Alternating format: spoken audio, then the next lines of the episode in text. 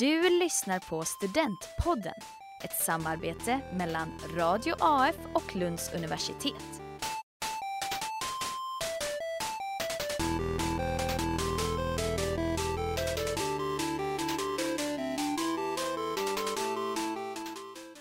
Hej och välkomna till Lunds universitets öppet hus. Jag heter Lovisa Olai och nu ska vi prata om hur det är att åka på utbyte. Eh, Jag är här med Hanna Bellman och Viktor Hallberg. Och eh, vad pluggar ni för någonting? Eh, Jag pluggar psykolog, fjärde året på det programmet. Yes. Och Viktor? Och jag har pluggat till eh, civilingenjör eh, inom väg och vattenbyggnad. Yes. Eh, Och ni har båda varit eh, på utbyte. Ja, Jajamän. stämmer. Var, var har ni varit? Ja, jag kan ju börja. Jag åkte till Bryssel.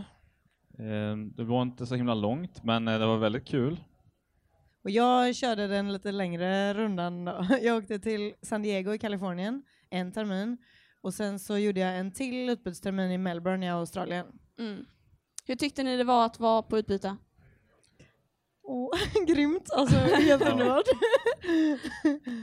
Nej, men det var, det var sjukt kul.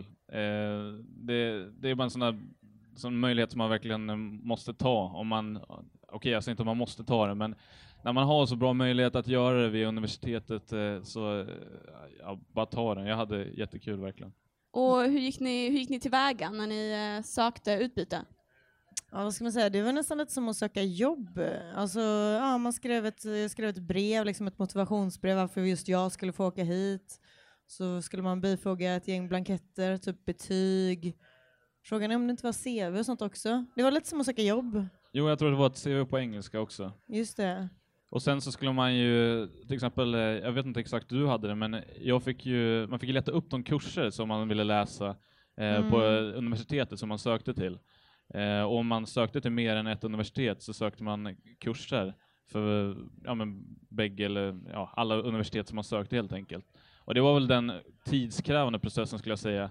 För att alla som varit ute på en eh, universitetshemsida kan ju nog eh, liksom skriva under på att det är svårt att hitta liksom, kurserna, när går de, eh, ja, hur långa är de, när är tentaperioden och speciellt till exempel jag som skulle vara borta en termin så blev det ju lite problematiskt där. Jag var ju tvungen att hitta eh, kurser som kunde gå ja, men bara över höstterminen då. Var det svårt? Nej, nej, nej det tycker jag absolut inte. Eh, man, eh, själva ansökan gör man ju, gjorde man ju via Lunds universitets eh, hemsida. De har ju som en plattform för eh, Mm. utbytesstudier och eh, det är ju väldigt till, tillrättalagt. Det är ju bara att följa instruktionerna. Alltså det var ju, jag kan ju göra bilden lite värre här nu då. ska, nej men det var ju för USA, det var så mycket med det här med visum och grejer, så det var ganska mycket att fixa med. Så ett tag tänkte jag så här, men shit, är det här värt det? Men nu efterhand alltså så sjukt värt det. Alltså det är annorlunda att söka liksom inom EU då och om man vill åka utanför, som du var i USA och Australien. Ja, och då behövde man ett speciellt liksom, visumintyg och sådär och lite jobb med det också. Så, men det, man kan säga så här, det var ju liksom nästan mer jobb innan, alltså när man kom iväg då var allt, ja, då var det lite gli, glid mer. det var mer planering liksom. Men hur var det och var det någon skillnad på att läsa här eh, i Sverige och eh, utomlands? Ja. ja. Frågan är om man ska börja. Vad var, vad var de, den största skillnaden? Ja, jag, jag kan ju börja med att, eh, att i Belgien så eh, de har sex stycken olika regeringar det, och eh, det, jag tror att det medför liksom att det finns någon slags inbyggd eh, ja, men, krångel med administrationen och allt sånt där. Och eh, allt känns tillkrånglat. När man kom dit så, eh, ja men det var lite si och så, det var svårt att få tag på människor som skulle fixa med ens eh, program, se till liksom så att ens kurser blev rätt och så. Eh, så det var lite si och så med det. Eh, annars så var det väldigt annorlunda med upplägget på kurserna så. Eh, här har man ju en slags midterm, att vi, vi skriver ju våra tentor eh, halvvägs in varje termin och där så tentar man av allting i slutet, så då blev det bara en enda Mm. lång utdragen, ja, en enda utdragen tentaperiod skulle man kunna säga. Ja. Var det samma för dig, Anna? Eh, ja, gud, men jag, nu tänker jag mer på, alltså det är ju mycket skillnader man kan fundera på, men jag tänker på allt det här med livet omkring, alltså typ som i Kalifornien, jag surfade varje dag, alltså det var ju sådana grejer också liksom. så lyxigt som man inte får göra här. Så det var ju jätteannorlunda på det sättet. Och Australien så mycket liksom små tripper och resor man kunde göra på helgerna och loven, så mycket att se. Men sen, ja, lite annorlunda med kurser var det också. Som i Sverige, på psykologprogrammet läser vi bara en kurs i taget. Eh, men där pluggade jag fyra kurser åt gången liksom då. Båda de orterna. Och hur var det att eh, läsa på engelska?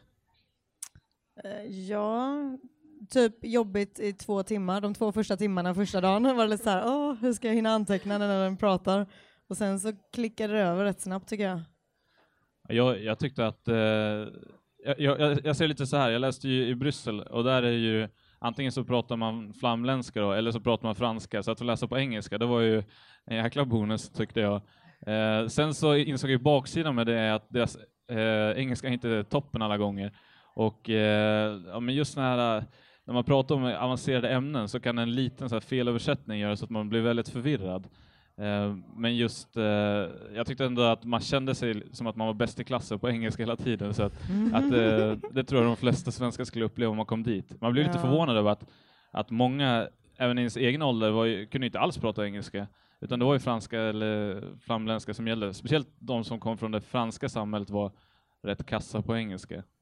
Och, och jag som var i engelskspråkiga länder bara då, alltså jag fick så mycket, alltså vad ska man säga, cred för att de tyckte oj vad du är modig, vad du är duktig som vågar komma hit och plugga och liksom på vårat språk och sådär.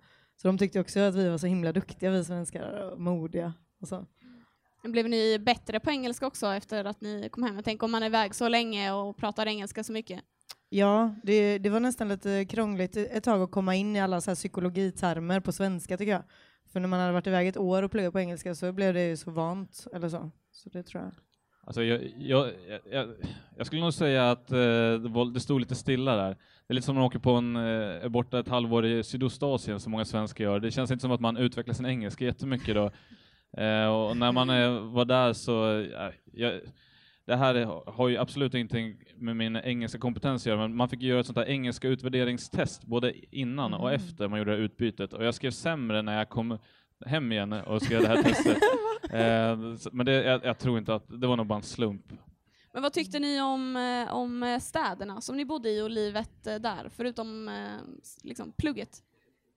Ja, jag kan prata hur länge som helst om det här, men alltså fantastiska. Jag hade inte så höga förhoppningar först om San Diego, eh, men jag insåg ju snabbt, för jag gillar det här med surf och strandkultur, att det är en riktig sån ah, kustpärla med alla de där strandlivet och strandsporter. Eh, så San Diego var fantastiskt och Melbourne var jättehäftigt också. En storstad, jag hade mer tänkt mig att, eh, jag vet inte, lite mer vildmark i Australien, men det är en jättestor stad liksom, med skyskrapor och ja, Nej, men fantastiska städer båda två. Eh, och jag, jag spenderade ju ja, mer eller mindre all tid i Bryssel då, och eh, ja, det är hjärtat av Europa, det märks ju verkligen att ja, det finns alla de här häftiga EU-byggnaderna och samtidigt väldigt mycket gammal kultur som, ja, som eh, Grand Place och Mannequin Piss och mycket kultur som man eh, ja, har sett och hört. Men eh, jag skulle nog säga att eh, Bryssel som sådan, den, jag är inte helt såld på den. Eh, den, var liksom, den var ganska utspridd och ja, just det här kulturcentret som var väldigt vackert, det var, så, det var extremt turistigt. Jag tycker det roliga med, med Belgien är ju helt klart eh, liksom barkulturen skulle jag säga. Att det är väldigt mycket så här kaféer, fik, små ställen där man kan eh, ja, men, ta en öl på ett sans med sina kompisar och ja, det märks verkligen att det är en stor skillnad där jämfört med i Sverige. Och hur kändes det att åka iväg själv till ett annat eh, land sådär? Var det, var det jobbigt? Uh, nej, alltså jag, vet inte, jag har rest mycket innan de här utbytena, så det var annorlunda för att jag brukar liksom resa runt och liksom backpacka mer. Men nu var det spännande för nu åkte man till ett, alltså flyttade mer. Alltså liksom jag fixade boende, jag fick skaffa en hyrbil. Liksom, uh, alltså det var en annan grej. Det var spännande. Var det lättare att komma in i livet då? Ja, för man fick ju liksom klasskompisar och grannar och man lärde känna så här, den i supermarketen och fick sitt favoritcafé.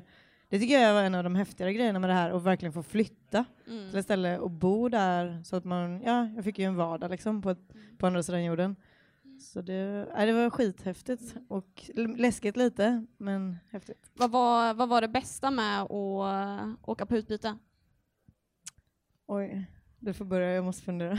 ja, nej men jag tycker det är helt klart bara att komma iväg och se någonting helt annat, uppleva annan kultur, träffa nya människor. Man får så perspektiv på sin vardag, verkligen att komma iväg. Speciellt tycker jag, om man åker till ett sånt ställe som Bryssel som inte ligger så himla långt bort, då förväntar man sig inte att det ska vara så stor skillnad kanske, som om man som du åkte till eh, ja, San Diego. Jag menar, där kan man ju ändå förvänta sig att det är ganska stor skillnad, men eh, att komma till Bryssel och, och inse att eh, ja, men, saker och ting går till på ett helt annat sätt, eh, ja, nej, det tycker jag var lite fascinerande.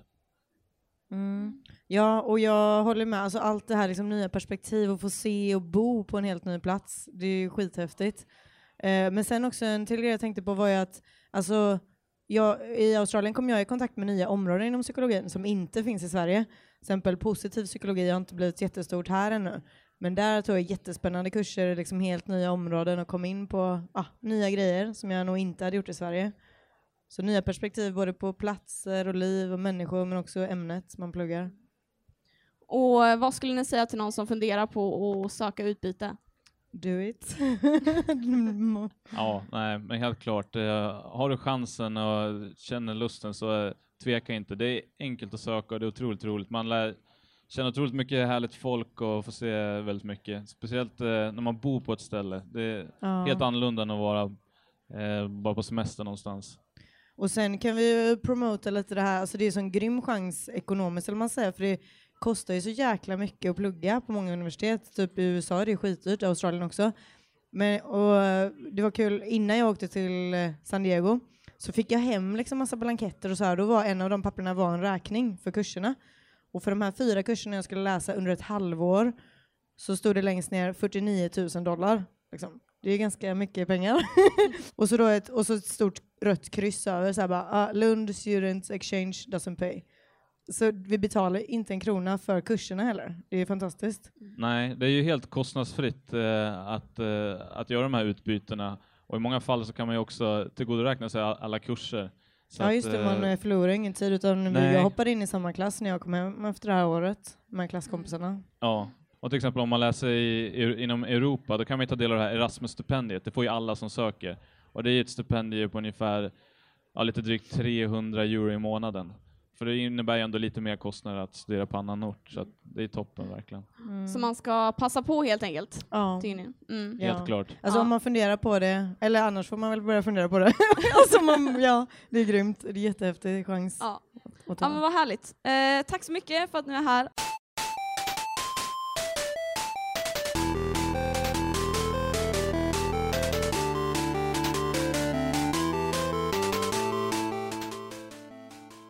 Podden du precis har lyssnat på är ett samarbete mellan Radio AF och Lunds universitet.